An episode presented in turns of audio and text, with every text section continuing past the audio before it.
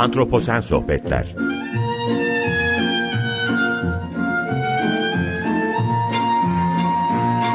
Hazırlayan ve sunan Utku Perktaş Merhabalar, Antroposen Sohbetlere hoş geldiniz. Ben Utku Perktaş. Bugün programda sokak hayvanları üzerine e, konuşmayı planladım. E, konuğum birazdan yayını alacağım. Sokak hayvanlarına duyarlılık gösteren mevcut iş yükü arasında bu konuya da eğilen bir gönüllü. Özellikle kent yaşamı içinde başıboş hayvanlar biyoçeşitlik bileşenlerine zarar verebiliyor. Esasında son zamanlarda yapılan bilimsel çalışmalar bu durumu doğrular nitelikte. Biyoçeşitlik bileşenleri dediğimizde de içinde olduğumuz biyoçeşitlik krizini bir hatırlatmak istiyorum ve biyoçeşitlik dediğimiz şey 3.8 milyarlık bir dünya mirası olarak akıllarda kalsın. Bugüne kadar çeşitli şekillerde dile getirdim bunu ama bundan sonra da e, akıllarda kalmasını çok önemsediğim için her programda yine bu durumun altını çizeceğim. Evet, sokak hayvanları biyoçeşitlik için bir tehdit olabilir. Aynı zamanda sokak hayvanları için gerekli koşullar sağlanmadığında kendilerinin bulunduğu ortamdaki varlıkları da tehdit altına girebilir. Ve her yıl Nisan ayının 4'ü sokak hayvanları günü olarak biliniyor. Peki sokak hayvanları neden tartışılıyor? Ee, neden sıklıkla konu oluyor tartışmaları özellikle Türkiye'de de? Neden biyoçeşitlik üzerine etkisi ortaya konulmaya çalışıyor dünyada? Ee, burada Hollanda'ya dönmek istiyorum. Çünkü Hollanda ciddi bir sokak hayvanı problemi yaşayıp bu problemi çözen ülkeler arasında. Hollandalı dernekler dünya genelinde 600 milyon sokak hayvanı olduğunu tahmin ediyor. Bu önemli bir rakam. Türkiye'deki sokak hayvanlarının sayısına dair tahminler de ne kadar doğru olup olmadığını birazdan konuğuma soracağım ama 10 milyon civarında olduğu tahmin ediliyor. Ve Türkiye'de kısırlaştırma yapılmazsa e, sokak köpekleri üzerinden gidecek olursak 10 yıl içinde köpeklerin nüfusunun, popülasyonunun 60 milyona ulaşması bekleniyor. Şimdi Hollanda'daki yapılan çalışmalar, hazırlanan raporlar, çünkü Hollanda problemi çözmüş dedim. 1800'lerde e, çok sayıda sokak köpeği Hollanda'da varken bu değerlerin hepsi kullanılarak bir rapor hazırlanmış. 1900'lere de getirilen önlemlerle bu sorunun ortadan kalkması sağlanmış. Nasıl sağlanmış? 1962'de getirilen bir yasayla hayvanına gerekli bakım sağlamayan kişilere 16.750 euroya kadar para cezası ve bununla beraber 3 yıla kadar hapis cezası verilebiliyor.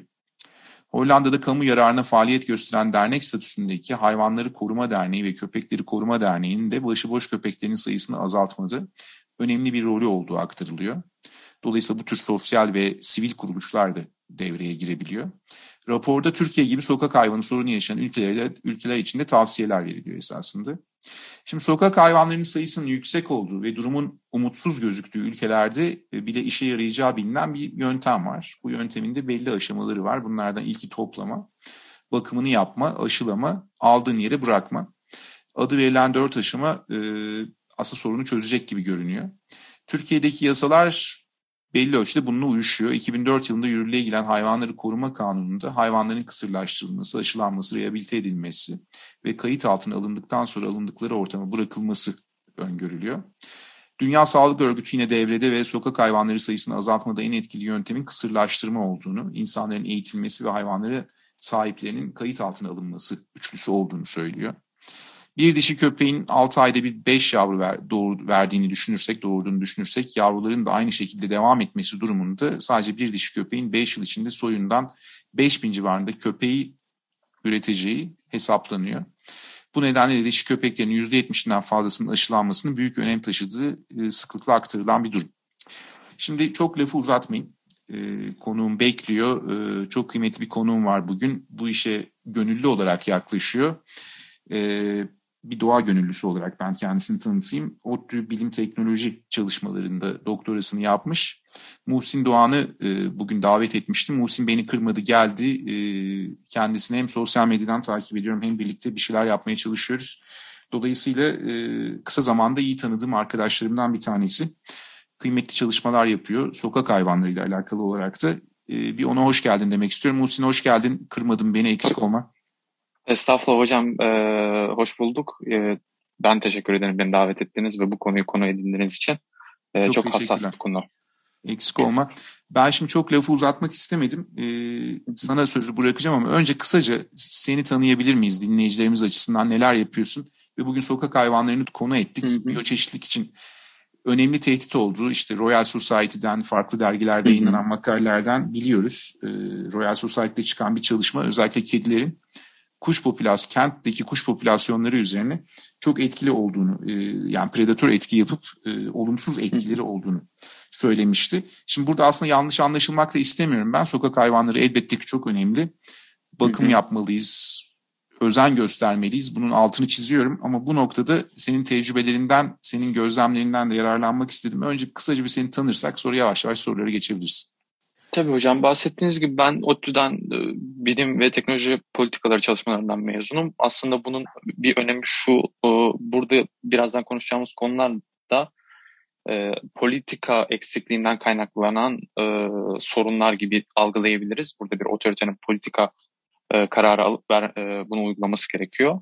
Daha evet. sonrasında ben yine toplum için bir vakıfta çalışmaktayım e, 4 yıldır. Evet. Hmm, dağcılık ve doğa geçmişim olduğu için hala da devam ettiğim için uzun yıllardır da Ankara çevresindeki ormanlara sık sık giderim neredeyse hafta aşırı yürüyüşlere, bisiklet sürmeye. Benim karşılaştığım e, sokak hayvanı sorunu da açıkçası e, şehirdeki sorundan ziyade ormanda ormana atılmış hayvanlarla ilgili e, bir sorun. E, ilk e, aslında ODTÜ'deyken de kampüste araştırma görevliliği yaptığım zamanda da kendi kent yaşamımızda da sıklıkla kedi köpekle karşılaşmamız zaten olası ve onlarla ilgili bir şeyler yapmamız muhtemeldi.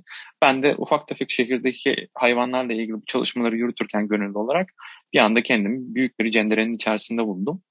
Ee, o şekilde bu... ekosistem bütünlüğü olan yerlerde yani orman Hı-hı. habitatları gibi Ankara çevresinde yani biraz da el değmemiş alanlardaki başıboş hayvanlar ki bu da biyoçeşitlik için önemli bir problem olabilir. Çünkü doğal Tabii. yaşamı olumsuz etkilediğini düşünüyorum eğer beslenemezlerse, aç kalırlarsa. Ee, şöyle bir sorun hocam benim yaşadığım sorun o yüzden belki oraya e, dikkat çekmekte ya da orayı bahsetmek, orayı anlatmakta fayda var. Ee, bundan yaklaşık 6 yıl önce mesire alanlarında köpekler sayılı idi. Yani 2-3 evet. ve bu köpeklerin bakımını oradaki mesire alanındaki insanlar da yapıyordu. Çünkü koruyucu bir e, rol biçiliyordu köpeklere. Belki biraz ondan sonrasında bahsederiz köpeklerin rolü üzerine. E, daha sonrasında sistematik bir şekilde bu sayı 10, 20, 30 civarına yükseldi. E, şimdilerde ise e, maalesef şehirlerde bu bakımları yapmak istemeyen yerel yönetimler ya da şahıslar, bireyler bu hayvanları topluca ya da tek tek e, mesire alanlarına yani bir e, ekolojik ortamlara, ekolojik çeşitliliğin olduğu devam ettirilmesi gereken ortamlara atılıyorlar. Ve bu o, köpeklerin bir bakım ve idame sorunu ortaya çıkıyor. Ben de bu sorunla e, yürüyüşe gittiğim zamanlarda e, karşılaştım. Kafamı çevirip dönemedim çünkü biraz hani siz de bahsettiniz e, doğa, doğa konusunda hassasiyetim zaten var. Evet. E, ve o, or, o oraları bu şekilde kaderine terk etmek, o canlıları da o şekilde kaderine terk etmek e, açıkçası biraz beni hem vicdanen hem de e, rasyonel olarak bir bilimsel bilgiyi e, bilimsel bilginin kıymetini bilen bir insan olarak beni rahatsız etti. O yüzden e, o hayvanların düzenli bakımlarını yapmayı bireysel olarak üstlendim. Herhangi bir dernek ya da bir topluluğa bağlı olmadan. Senin tamamıyla kendi başına gönüllü olarak yaptığın bir iş olarak algılayabiliriz bunu. Tabii, ee, şimdi tabii. burada ben merak ettiğim şu yani aslında başıboş hayvanlar ya da sokak hayvanları dediğimiz zaman genel olarak ne anlıyoruz Muhsin yani senin çerçevenden, senin perspektifinden? Çünkü Hocam, şehirde de ki ben mesela Hacettepe'nin Beytepe kampüsündeyim ve burada da ciddi bir problem olarak bizim karşımıza çıkabiliyor. Kimi zaman insanlara kadar saldırıyorlar. Tabii. Ee, bu, bunu nasıl algılamalıyız yani hani tanımsal olarak bir şey söylersen eğer? Hocam kısaca aslında köpeklerin e, bizim hayatımızdaki rolüne e, bir değinmekte fayda olduğunu düşünüyorum. Ufacık bir ona değinirsek sonraki hayatta köpeklerin değişen rolü ve biz evet. neyi sokak hayvanı diye tanımlıyoruz köpek ya da kedi anlamında onu söylemekte fayda var diye düşünüyorum. Aslında köpeklerin bizde birlikteliği neredeyse bizim medeniyetlerin e, gelişmesine sebep olacak ilk ilkel e, topluluk halinde bir arada hareket etme dönemlerimize kadar dayanıyor. Evet. E, avcı toplayıcı zamanlardan bu yana yanımızda bize bakarak bizden öğrenen, bizim onlara bakarak onlardan öğrendiğimiz hatta çok meşhurdur James Scott'ın bir e, Against the Grain diye bir kitabı vardır. O kitabın içerisinde bahseder kendisi. Biz mi onlara, onlar mı bizi domesticate etti yani e, evcilleştirdi? Biz mi onları biz evcilleştirdik? Onları. Tam emin değiliz o konuda. Fakat beraber bir birlik dediğimiz e, bilimsel kaynaklara göre 15 bin yıllık bir geçmişe dayanıyor. Ve bu hayvanlarla biz mülkiyeti, e, biz bu hayvanlarla tarımı, e, gündelik yaşamı düzenledik. Bu hayvanlar sayesinde e, beslenme sorunumuzu güvence altına aldık. Ve, tabii ki böyle bir geçmişte onların da evrimsel olarak biraz yapay olarak bizden etkilenmesi söz konusu oluyor. E, böylelikle birçok özelliklerini tarih boyunca, zaman boyunca kaybediyorlar. E, ne gibi? Avlanmayı bilmiyorlar. E, ne gibi? insan olmadığı yerde nasıl hayatta kalabilecekler onu bilmiyorlar. E, insandan sevgi almak ve onun karşılığında yemek bulmak gibi bir mekanizmaya mahkum kal- kalıyorlar. Ondan dolayı, dolayı da biyolojik olarak bizlere muhtaç canlılar. Evet. Biz kim e, nelere sokak hayvan diyoruz? E, ben bu tanımı şöyle yapıyorum. E, bilinçli ya da bilinçsiz bir şekilde e, ev ortamının dışında bir e, kendisine bakacak bir insanın yokluğunda bir süre dışarıda kalmış herhangi bir hayvanı sokak hayvanı olarak görebiliriz. Yani bu kaybolan bir köpek de olabilir, tasması olabilir ama dışarıdadır. E, o hayvanın ilgili sahibine ulaştırılması da bir sokak hayvan problemidir. E, tamamen e, evden e, o bireylerin tasarrufundan kaynaklı bir dışarıya atılmışlık da olabilir. E, bu şekilde bir e, dışarıda kalmış olması gerekti, gerekiyor. Bunun dışında bir de sistematik olarak bu hayvanların e, sokaklarda bulunması durumu söz konusu olabiliyor. Bunda maalesef yerel yönetimler yapıyor. Barınaklara yani sokakta yaşayan ve mesela Hacettepe'de, ODTÜ'de yaşayıp o hayvanların toplanıp barınaklara götürüldüğünü düşünebilirsiniz. Bu barınaklara götürülen hayvanlar belli bir popülasyona ulaştıktan sonra, barınaklar yetmedikten sonra toplu bir şekilde ki bunlara hem görsel hem e, yazın alanında ikincil kaynaklardan doğruladığım bilgilerde bunlar. Belediyeler tarafından mesire alanlarına, yol kenarlarına atılan hayvanlar gibi evet. görebiliriz. Bunlar bizim şehirli insanların çok görmediği, benim daha çok üzüldüğüm e, iki sebepten dolayı birazdan söyle, konuşabiliriz o konuları. İki sebepten dolayı çok üzüldüm. E, hayvan türü e, şeklinde açıklanabilir. E tabi buradaki meseleyi sadece vicdani kısımla açıklamak gibi bir derdim hiçbir zaman olmadı benim. Ben hep rasyonel taraftan da baktım. E, o sebeple genel böyle bir tanımı sokak hayvanları için kurabiliriz. E, sebeplerini de birazdan irdeleriz diye düşünüyorum. Çok teşekkürler. Çok güzel bir tanımlama oldu. Peki şimdi senin yaptığın gözlemler özellikle doğal ortamda başıboş hayvanlara bakıyorsun ve oradaki faaliyetler sonucu e, genel olarak durumu nasıl tanımlarsın? Çünkü şunu çok merak ediyorum. Doğal yaşamı işte diyorum yani kedilerin kent yaşamındaki doğal yaşama etki etti. Örneğin kuşlar üzerine bir baskı oluşturduğunu biliyoruz. Bu yayınlanmış bir gerçek artık hani bilimsel olarak. Burada tekrar tekrar altını çiziyorum. Ne köpekleri ne kedileri herhangi bir sokak hayvanını kötülemek değil amacımız. Sadece evet, duruma dikkat çekmek. Ee, onların da bakıma ihtiyacı var. Ee, şimdi burada senin genel olarak doğal ortamda hı hı. gözlediğin olumsuzluklar var mıydı? Ee, sen hı hı. beslemesen, sen bu kadar çaba harcamasan hı hı. neyle karşı hı hı. karşıya kalırız? Yani ya da oradaki doğal yaşam neyle karşı karşıya kalabilir? Hocam bu en önemli noktası burası bence zaten konuşulması gereken nokta da burası. Çünkü iki e, kutup var. Bir kutup bu olayı tamamen radikal bir şekilde çözme taraftarı olan evet. bir kutup. E, diğer kutupta bu olaya tamamen hissiyat penceresinden bakıp e, sadece bu konuyu duygularla, hislerle açıklamaya çalışan bir grup. Bu iki grubu bir araya getirmek maalesef mümkün değil. Fakat benim yaşadığım sıkıntı e, e, iki sebeple beni çok rahatsız ediyor. Birincisi e, açıkçası ben bunu şu şekilde tanım, tanımlıyorum. İnsan onuru diye tanımladığımız şeye yakışan bir görüntü olmuyor. O çevresel, o çevredeki hayvanları o soğukla sınanmaları, o açlıkla sınanmaları, açlıktan bayılacak noktaya gelmeleri, bir deri bir kemik haline gelmeleri, bir otoyolun kenarında eksi 27, eksi 30 derecede bizim üzerimizde çok teknolojik şeylerle bile üşüdüğümüz yerlerde o hayvanları görmek benim açıkçası içimi sinmiyor. Bu birinci kısmı. Bunu hissiyatla da ilişkilendirebiliriz. Birazcık e, mantıkla da ilişkilendirebiliriz. Ama ikinci kısım ise tamamen benim çok ama çok üzüldüğüm bir konu. O da e, sizin dediğiniz ekolo ekolojik çeşitliliğin, ekolojinin bundan etkilenmesi durumu.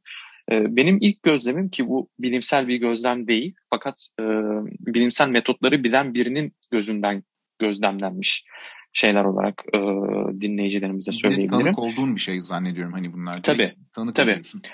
Aynen 3 yıldır Covid dahil, kapalı olduğumuz günler dahil ben her hafta sonu oraya gittim. Her hafta sonu. Yani bir iki hafta sonu haricinde tamamen oradaydım. Yani en, en fazla devamsızlığım iki haftadır.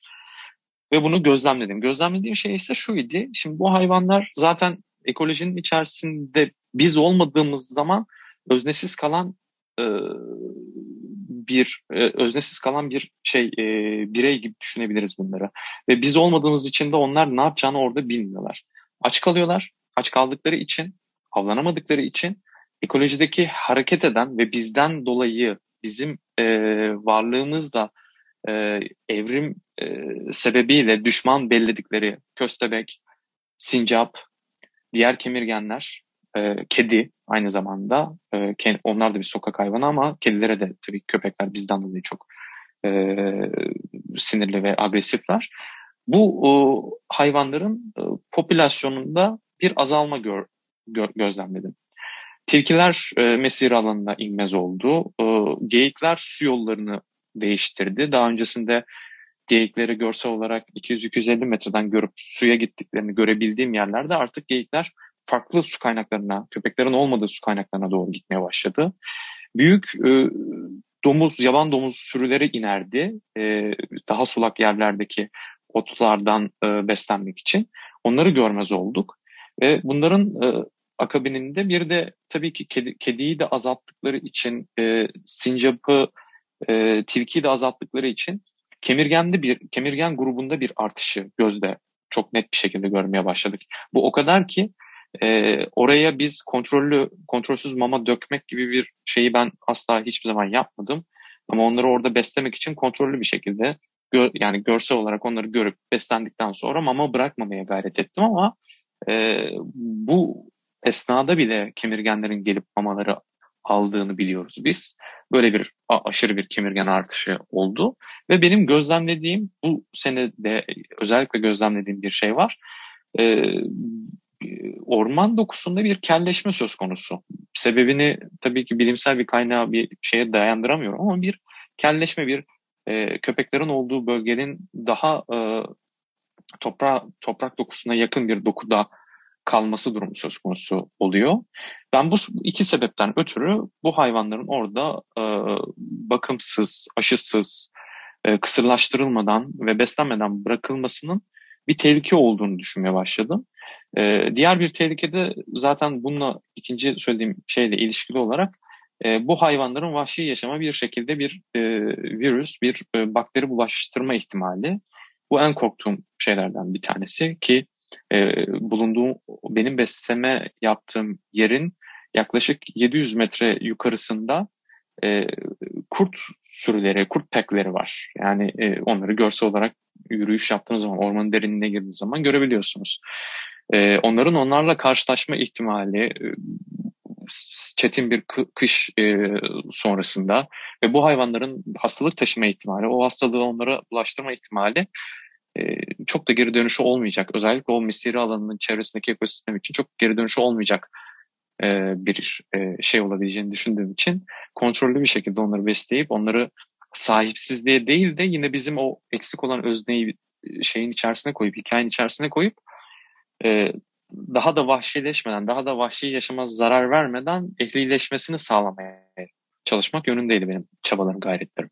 Esasında bu sadece hani bir alanda yaptığımız ya da senin yaptığın gözlem. Bunu Türkiye'de çoğaltabiliriz benim anladığım kadarıyla ve birçok aslında Elbette. doğal ortamda vahşi yaşamın e, bileşenleri, doğal yaşamın bileşenleri bu anlamda tehdit altına giriyorlar. Bunu insan eliyle yapıyoruz ama insan eliyle yaptığımız şeylerden bir tanesi de en azından bu yakın dostlarımızı kullanarak doğaya verdiğimiz zararlar oluyor. E, sonuçta insan faktörü burada çok önemli.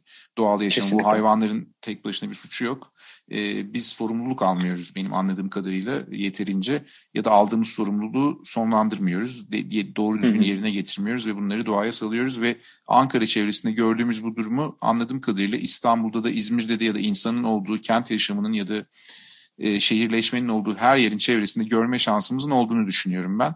Maalesef, maalesef. Yani e, bu ciddi bir problem çünkü hani yapılan araştırmalar e, köpek popülasyonunun, başıboş köpek popülasyonunun 10 yıl içinde 60 milyona ulaşacağını söylüyor ki bu da e, acayip bir rakam diye düşünüyorum ben. Yani bu Tabii çok yüksek. Doğal yaşama da Türkiye dev gibi bir coğrafya değil ki sonuçta politik sınırlarını düşündüğümüzde Hı. önemli bir baskıyı doğal yaşam üzerine getireceğini düşünüyorum. Şimdi burada yine e, zaman öyle hızlı akıyor ki Muhsin hep böyle oluyor. E, bir anda e, 20 dakikayı bitiriveriyoruz. Çok kısa bir zamanımız kalıyor. Şimdi burada hemen hızla şeyi soracağım sana. E, yine buna çok ciddi bir özveriyle yaklaşıyorsun. Ben çok saygı duyuyorum ve çok takdir ediyorum. Yani e, ellerine sağlık. Boş bırakmıyorsun bu hayvanları. Herkes yapmaz. Bu anlamda e, kalkıyorsun, gidiyorsun, kendi bütçenden e, şey ayırıyorsun, bir kalem ayırıyorsun ve bakıyorsun. Yani çok önemli. Bu bu anlamda hani senin yine yaptığın bu faaliyetler doğrultusunda çözüm önerileri söylesek. Ben genel olarak hani burada okuduklarımdan ya da işte çeşitli ülkelerin yaptıklarından yola çıkarak bir şeyler söyledim ama sen en azından bu işin başında olan bu işi yapan birisi, yardımcı olmaya çalışan, bu hayvanlara yardımcı olmayan, çalışan birisi olarak ne söylersin hani çözüm önerileri olarak? Hocam takdir edersiniz ki ben bu konu üzerine çok düşündüm ve kafayı yordum. Tabii tabii biliyorum. Tabii ki bu konu için birçok yere de yerele de yereldeki yönetimlere de çok gittim, konuşmaya çalıştım, anlama, anlatmaya çalıştım birileriyle. E, bireylerle de konuşmaya çalıştım ama benim bu konuda iki tane çözüm önerim e, söz konusu. Birincisi radikal çözüm dediğimiz çözüm. Avrupa ülkelerinin e, yaptığı bir çözüm yöntemi ki Türkiye'de bu hayvanlarla ilgili doğru istatistik bile henüz tutulmuyor. 39 tane meclis önergesi verilmişti 2020 yılında. Bunların hiçbirine cevap verilmedi. Bu önergelerin hiçbir tanesi tartışılacak noktaya kabul edilip de gelmedi. Buradaki öneriler, bu önergenin içerisindeki konulardan bir tanesi de istatistiklerin doğru tutulması. Şu anda resmi rakamlardan çok daha fazla e, başıboş hayvan var ve resmi rakamların karşısında normal e, kamuoyunda tutulan rakamların çoğu e, anket usulü insanların bu olaya bakışı. Ve bu da çok olumsuz bir bakış ve o bizim birinci radikal Avrupa çözümü dediğimiz çözüme götürüyor. O çözüm de şu, e, bu hayvanların toplanıp bir şekilde uyutulmasına içeriyor. Bir, bir süre askıda kalıp e, pet shopları yasaklayıp bu hayvanların sahiplendirilmeye çalışılması sonrasında da o süre dolduktan sonra uyutulmasını öngörüyor. Fakat bence bu radikal çözümü bile geçtik. Popülasyon çok fazla. O sebepten ötürü benim e, önerim, düşüncem ve nasıl olabilir diye baktığımda kendi lokal bölgemdeki e, şeyde e, yerdeki e, önerim yerel yönetimlerin bunu sizin dediğiniz o yöntemle toplayıp bakımını yapıp daha sonrasında bulduğu yere bırakıp beslemesini yapmak usulünde bu hayvanları e, zaten bu hayvanların kısıtlı olan yaşamlarını sürdürebilmelerine sebep olabilir. Neden kısıtlı diyorum? Normalde evimizde beslediğimiz, benim evimde de kedim var. Ee, evimizde beslediğimiz hayvanların ömrü işte kedi için 14-15 yıl, köpek için 12 yıl, 13 yıl, 14 yıl. Bu şekilde iken bu hayvanlar zaten dışarıda orman koşullarında 3 yıl, 4 yıl göremiyorlar. O sebepten dolayı bunlar için bizim çok çok büyük bütçeler ayırmamıza gerek yok. Popülasyonu kontrol altına alalım, aşılarını yapalım, birbirlerini yememelerini ki bunu e, hani İngilizce tabiriyle literally yani gerçek anlamıyla söylüyorum. Gerçekten bir, aç kaldıklarında birbirlerini yediklerini de gördüm ben bu hayvanların.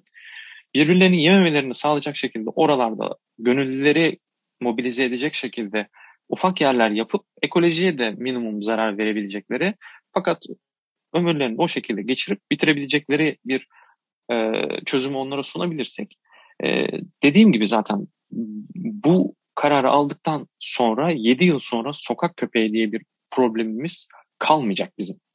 Çünkü bu hayvanlar zaten çok yaşamıyor. Ortalama bir kedi doğduktan sonra e, şehir yaşamının içerisinde bir ya da iki gün eğer annesinin bakımı yoksa anca ya yaşıyor ya yaşamıyor.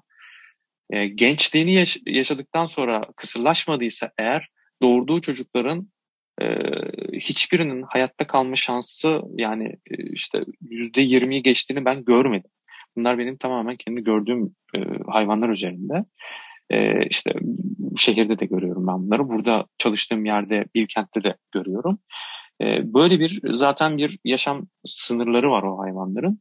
E, bu hayvanlara bizim yapabileceğimiz tek şey eğer radikal çözümü tercih etmiyorsak elimize taşın altına koyup eleştirmeden yani eleştirmek çok kolay olan eleştirmeyi bir sınırlı bir noktaya koyarak çözüm ortağı olmaya çalışmak. Ki bu birçok siz de biliyorsunuz sizin e, çalıştığınız alanlarla alakalı birçok örneği var bunun. E, ekolojide de buna benzer birçok şey yapabiliriz. Örneğin işte bir çöp sorunumuz var. Ona da bu şekilde çözüm bulabileceğimizi düşünüyorum. Tabii yani burada herhalde toplu bakımını yap, ışığı aldığın yere bırak hı hı. E, basamaklarını işletmek en doğrusu olacak. Muhsin çok teşekkürler. Bir de şeyden bahsedeceğim. Hocam. Mesela sen de kedim var dedin. İstanbul deyince İstanbul'un kedileri meşhur. Çok evet. fazla kedi var sokaklarda. Evet. Ee, Ankara'da böyle bir şey yok galiba. Ankara'da da kediler var sokaklarda yok. ama şehirleri tanımlarken İstanbul'un kedileri diye bir belgesel de vardı hatta. Evet, ee, evet. Kedilerin de özellikle ev yaşamı içerisinde tutulması öneriliyor. Bilimsel çalışmalarda benim gördüm. Çünkü Kesinlikle. gibi kuşları ciddi anlamda tehdit ettikleri de belirtiliyor. Muhsin tekrardan Hı. çok teşekkür ediyorum. Vakit ayırdın geldin. Çok da güzel bir söyleşi oldu. Hemen hemen tamamladık süremizi. Hocam ben, ben teşekkür ederim. Çok sağ olun. Çok faydalı bu, bu konuda bir söz verdiniz. Çok çok tabii, mutlu tabii, oldum çok ben faydalı de. bilgiler paylaştın. Bu vesileyle ben de hani hazırlanmıştım. Ee, umarım dinleyicilerimiz için de faydalı olmuştur. Ben sana iyi akşamlar evet. diliyorum. Çok teşekkür ediyorum tekrardan. Tamam hocam. İyi akşamlar. Sağ olun her şey için. Çok teşekkürler. Dinleyicilerimize de iyi akşamlar diliyorum. Önümüzdeki günlerde antroposen sohbetlerde yine benzer konularda hem biyoçeşitlik hem iklim hem de bu çeşitte bu çeşit bu şekilde çeşitli konularla buluşmak üzere diyorum. Hoşçakalın.